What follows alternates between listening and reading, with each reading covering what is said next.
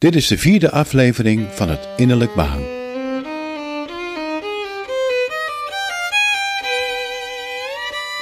De podcast waar we je meenemen in een schilderij. De vorige afleveringen stonden schilderijen centraal die je mogelijk wel of niet kende, maar in deze aflevering zoeken we een schilderij op dat we allemaal kennen. Mijn naam is Ron van Es. En mijn naam is Raf Stevens. Het schilderij waar we het hier over hebben is Jongetje met traan.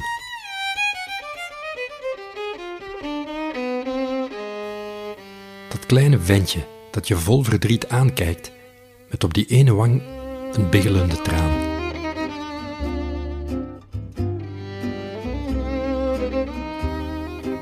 Eigenlijk is het niet één schilderij, maar een hele reeks van verdrietige jongetjes geworden. Waarom zijn deze huilende jongetjes zo bekend geworden eigenlijk? Wat trekt ons zo aan in een oneindig verdriet? Is dat ons eigen verdriet? Is dat ons eigen kind dat we verloren zijn in de wereld? Verlangen we ergens naar terug?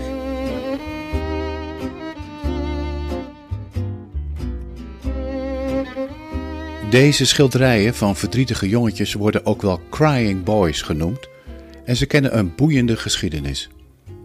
De herkomst gaat terug op de Italiaanse schilder Giovanni Bragolin.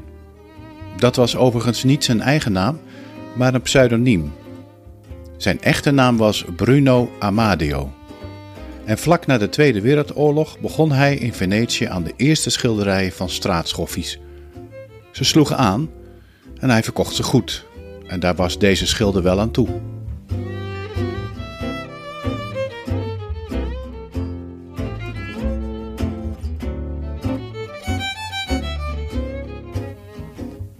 Schilderij van het huilende jongetje hing jarenlang bij mijn grootmoeder. En ik herinner het mij vooral van in mijn tienerjaren. Eigenlijk kwam je dit schilderij, of een van die andere Crying Boys, overal wel eens tegen. Ik ken ze ook. En in mijn omgeving werden ze ook wel het zigeunerjongetje met de traan genoemd. Waarom weet ik niet, want Giovanni Bragolin schilderde niet per se de kinderen van Rome afkomst. Misschien werden ze zo genoemd uit een soort romantisch idee. Was het verdriet van het jongetje ook een synoniem naar een andere oorspronkelijkheid van ons? Net als dat rare idee van kamperen op een Franse camping één keer per jaar.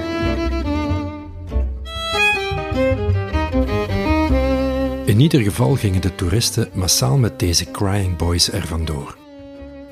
En Bragolin is bekend dat hij er maar liefst 65 verschillende van gemaakt heeft.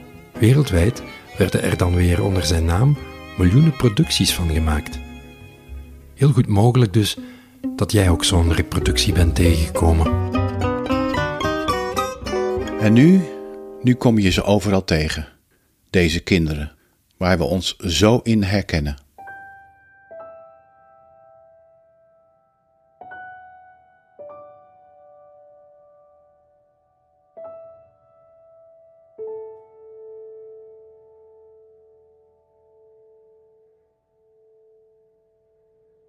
De liefde. Lijkt het nu, of lijkt het maar zo, dat ik kleiner word, meer in de buurt blijf, meer en meer hele gewone dingen waardeer, liefde en zo van een mens, een kind? Lijkt het nu dat die grote dromen die ik had, eigenlijk altijd over dezelfde dingen gingen? Over een leven in eenvoud, een simpel gebaar, van liefde en zo, van een mens, een kind? En lijkt het nu, nu ik ouder en ouder word, dat ik scherper begin te zien, helder van geest, eindelijk begin te weten dat het alleen maar gaat over liefde en zo, van een mens, een kind.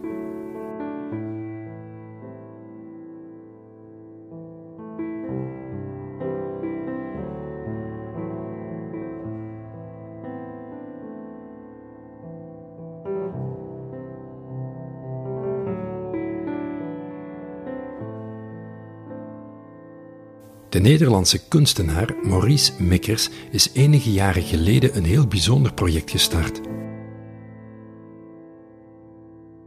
Waar hij eerst begint met zijn eigen tranen op te vangen, om die dan te vergelijken onder een professionele microscoop. De beelden van zijn tranen fotografeerde hij weer. De tranen van verdriet zagen er anders uit dan de tranen van vreugde.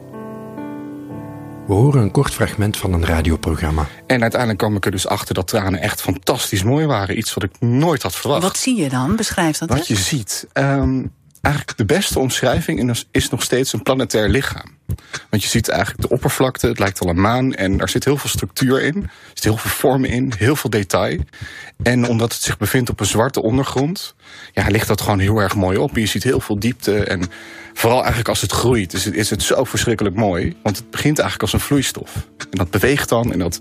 Ja, het, is een soort van olie bijna in... of, of zeepsop in water, hoe dat dan beweegt. En uiteindelijk... eh, begint er één kristalletje te vormen en dat wordt een, soort- het is een soort van magneetje. Dat trekt dan heel veel andere kristalletjes aan en dat groeit en dat groeit en dat groeit. Tot uiteindelijk je eigenlijk een eh, heel mooi landschap hebt.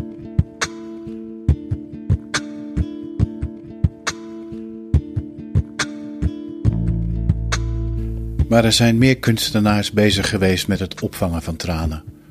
Zoals de kunstenaars Sam Bompas en Harry Parr, die met hun culinaire kunsten mensen uitnodigden om van hun tranen een bitterlikeur te maken. Zelf zeggen ze daarover: We gaan met die mensen in een kamer zitten en gebruiken dan verschillende manieren om ze aan het huilen te krijgen. Vervolgens helpen we ze met het opvangen van die tranen. We hebben mentelstokken die ook gebruikt worden in de theaterwereld. En er is een rustige hoek waar mensen kunnen proberen hun tranen op te wekken. Het opvangen van tranen gaat overigens heel ver terug in de geschiedenis. Wat te denken van de talloze huilende Madonna's overal in de wereld. Beelden waar de tranen plotseling van gaan vloeien en de vele gelovigen dan toestromen. De huilende Madonna is een hoop en toeverlaat. De moeder van Jezus die een lijden begrijpt. In Fresno, Amerika, heeft Maria Cardenas ook zo'n twaalf van die huilende Madonna's in haar eigen huis. En een reporter van ABC News ging bij haar kijken. Well, Liz, this is the statue we're talking about. From here, it looks normal, but it has the power to fill up this room with people in prayer, and many believe the tears are an act of God. To the faithful, Maria Cardenas says this statue of the Virgin Mary is a blessing. Tears seem to well up in her right eye and stream down her face to her chin. Es algo bonito. Cardenas says it's beautiful the way she looks right now. Every tear, she says, is nothing short of a miracle. So she collects them in a glass and shares them with those who find their way to this home. Mucha gente toda les platica y A lot of people come and they can't believe it, she says, but they come with faith. Logisch dat ons schilderij, de kleine jongen met de biggelende traan op de wang, veel gevoelens losmaakt. Het lijkt dus alsof deze jongen ons eigen lijden kent, ons eigen verdriet laat zien en ons troost geeft. Er gaan ook vreemde verhalen over de vele reproducties van die Crying Boys. De verhalen doken op in Engeland, waar beweerd werd dat deze schilderijen slecht nieuws brachten. Om onverklaarbare redenen zouden er in huizen waar ze hingen brand uitbreken. Sterker nog, na het blussen bleken deze schilderijen onaangetast over in de puinhopen. Wat was er hier aan de hand? De vloek zou verbonden zijn met een van de door de schilder Giovanni Bragolin afgebeelde kindjes. Dat zou een arme wees zijn geweest die nimmer meer had gesproken sinds hij had gezien hoe zijn ouders omkwamen bij een brand. Overal waar sindsdien een zigeunerportretje van het ventje opdook, ontstond binnen de kortste keren een vuurzee.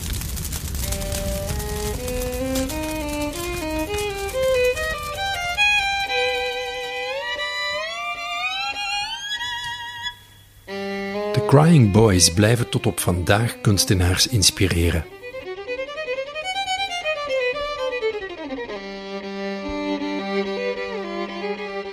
Zo ook de Nederlandse fotograaf Noah Valentin, die geen kleine jongens, maar volwassen mannen fotografeerde met tranen.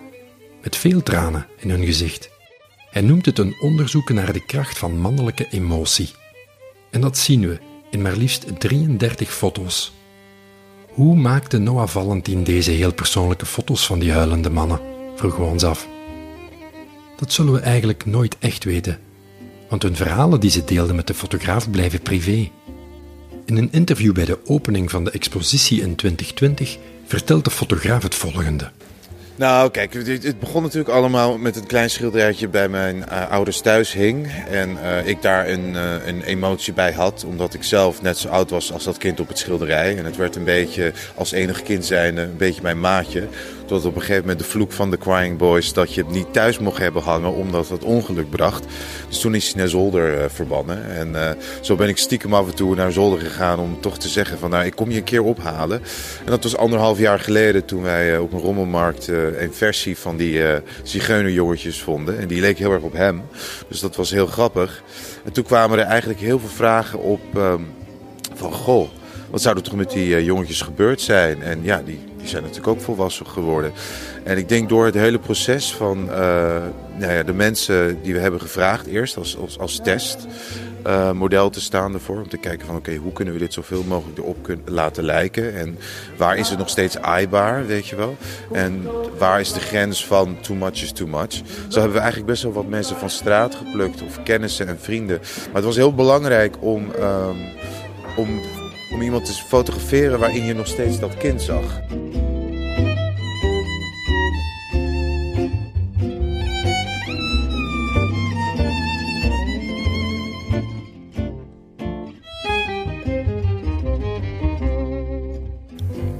De huilende jongen vraagt je dus zelf zichtbaar te worden. Zichtbaar in je eigen verdriet en pijn. In het bekende verhaal van de grot dat door de Griekse filosoof Plato is beschreven, zitten mensen in een grot die niet naar buiten kunnen kijken. Met een rug naar de uitgang tegen een muurtje kijken ze via de achterwand naar het daglicht verderop. Ze zien alleen de schaduwen op die achterwand en denken zo dat dit de werkelijkheid is. Schaduwen maar er is een verhaal buiten die grot, verhaalt Plato. Om die te ervaren moeten we alleen de grot verlaten.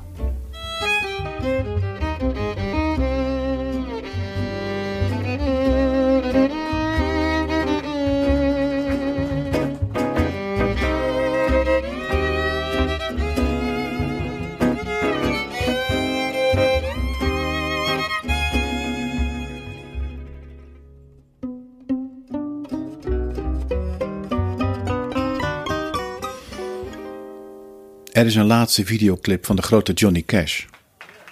De videoclip is gemaakt bij het nummer Hurt, dat op de vierde CD in de serie American 1 tot 6 staat. Deze serie is ontstaan doordat de muziekproducer Rick Rubin bij Johnny Cash aandrong om samen te gaan werken. Waarom? vroeg Cash. Wat wil je dan gaan doen? Rubin zei: Ik geef je een gitaar en een microfoon. En zo ontstonden deze zes CD's, die stuk voor stuk prachtige songs bevatten. Bijzonder is het nummer Hurt op die vierde CD in deze serie. Het is geen nummer van Johnny Cash zelf, maar van Trent Reznor.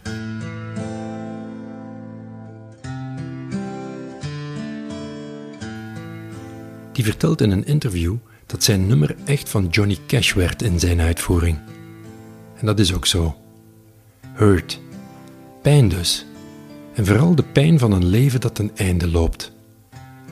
What have I become, my sweetest friend? What have I become? My sweetest friend. Everyone I know goes away in the end. Everyone I know goes away in the end. And you could have it all. And you could have it all. My empire of dirt. My empire of dirt. I will let you down. I will let you down. I will make you hurt. I will make you hurt. Als de filmmaker Mark Romanek dit nummer hoort, belt hij muziekproducer Rick Rubin op en smeekt hem bijna om de muziekclip te mogen maken. En dat doet Romanek. En hoe? Later vertelt hij over het maken van de videoclip dat hij Johnny Cash in eerste instantie alleen in een stoel wilde filmen, maar hij vroeg zich wel af of dat voldoende was. Op bezoek bij Cash en tijdens het bespreken van de videoclip wordt hij door een medewerker gewezen op het inmiddels gesloten museum van Johnny Cash vlakbij. Daar staan dozen vol met oude films en opnames. Bij het doornemen van al die oude beelden lijkt alles op zijn plek te vallen. Hurt gaat over het leven van Johnny Cash. Gaat over zijn terugblik en over alles dat er niet meer is. Of was, maar niet meer belangrijk is.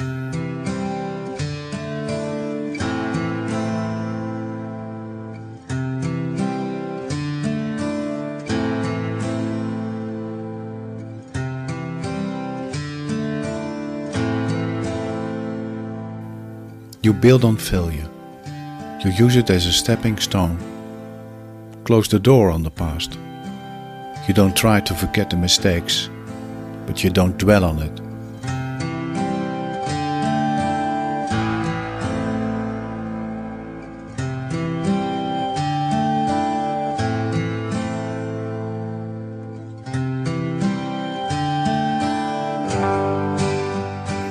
Johnny Cash.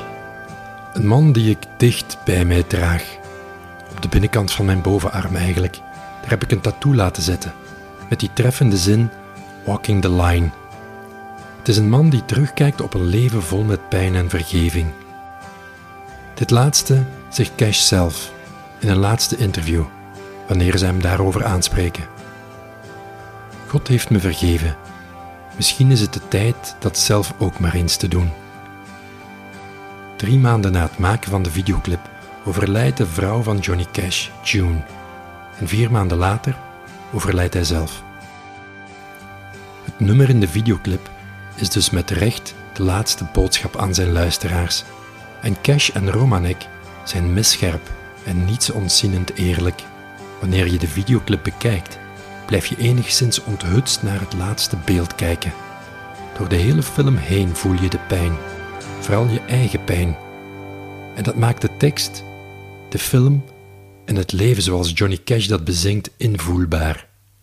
Hier wordt de innerlijke pijn van een mens zo zichtbaar. Die pijn is het signaal van gemis. De innerlijke pijn geeft het verlangen aan. Het verlangen naar heelheid. Het verlangen naar liefde. Het verlangen naar zichzelf eigenlijk.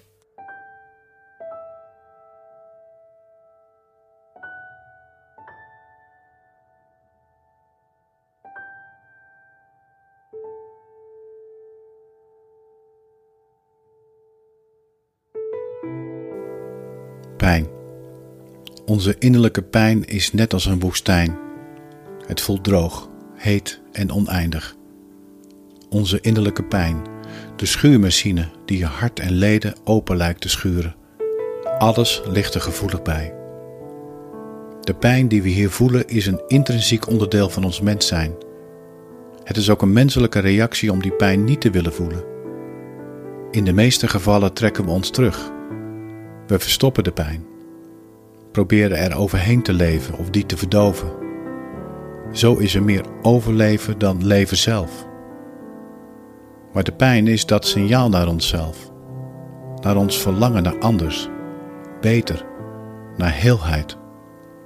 Dan moeten we wel door het oude panzer heen, die lange, lange weg, door de pijn.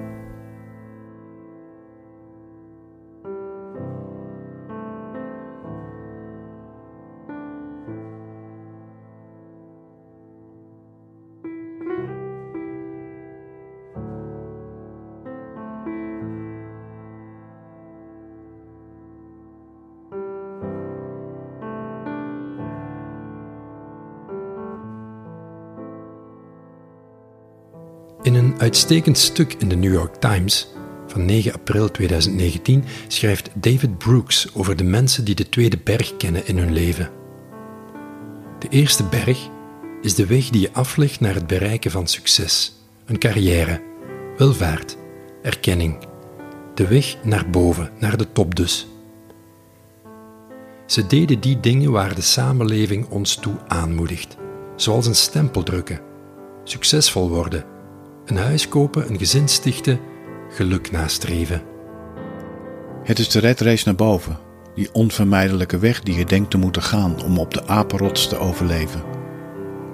Het gevolg is vaak burn-out, eenzaamheid, vervreemding, zieloosheid. Velen vallen van die eerste berg naar beneden, de valleien. Een mislukt huwelijk, een doodlopende carrière, ziekte. Het zijn de butse en blauwe plekken die we oplopen in het leven. En in gesprekken voel je wel aan of mensen die eerste berg nog aan het beklimmen zijn, die hoop op succes hebben, waardoor het ego kan groeien. Dat merk je aan bepaalde woorden en verhalen die niet echt zijn.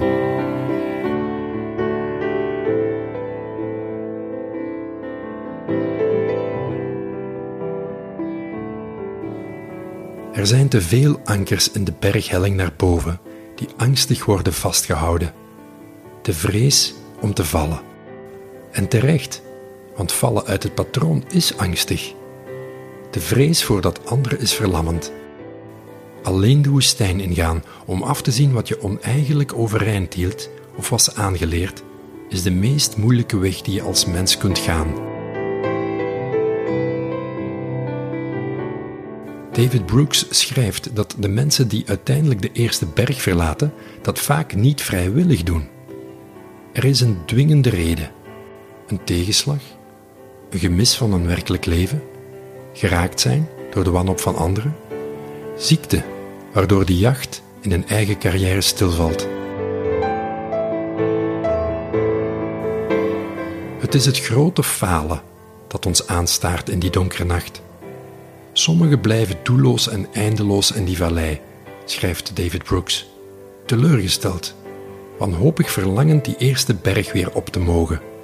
Voor anderen is het een kans om die tweede berg echt op te kunnen gaan.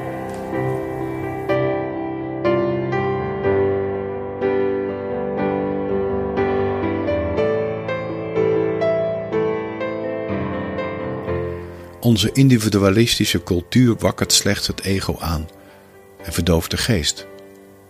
Maar falen leert ons wie we echt zijn, schrijft Brooks.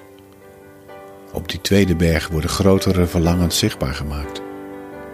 De verlangens van het hart en de verlangens van de ziel. Misschien is dat het wel dat we zo herkennen door de tranen van de kleine jongens heen. We zijn verdwaald en verlangen naar huis.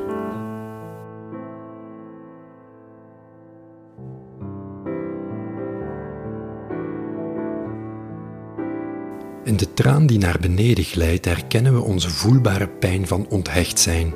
Misschien zul je na deze aflevering anders gaan kijken naar een van die crying boys. Of misschien hang je er binnenkort wel één aan je eigen muur. Want dat huilende jongetje lijkt kitsch, maar het wordt kunst als je er langer naar kijkt. Dank voor het luisteren naar deze aflevering van het Innerlijk Behang. Wil je meer weten over het werk van Raf Stevens? Bekijk dan zijn website rafstevens.be. Wil je meer weten over het werk van Ron van Es? Check dan zijn website purposeleadership.nl. Alvast tot een volgende keer.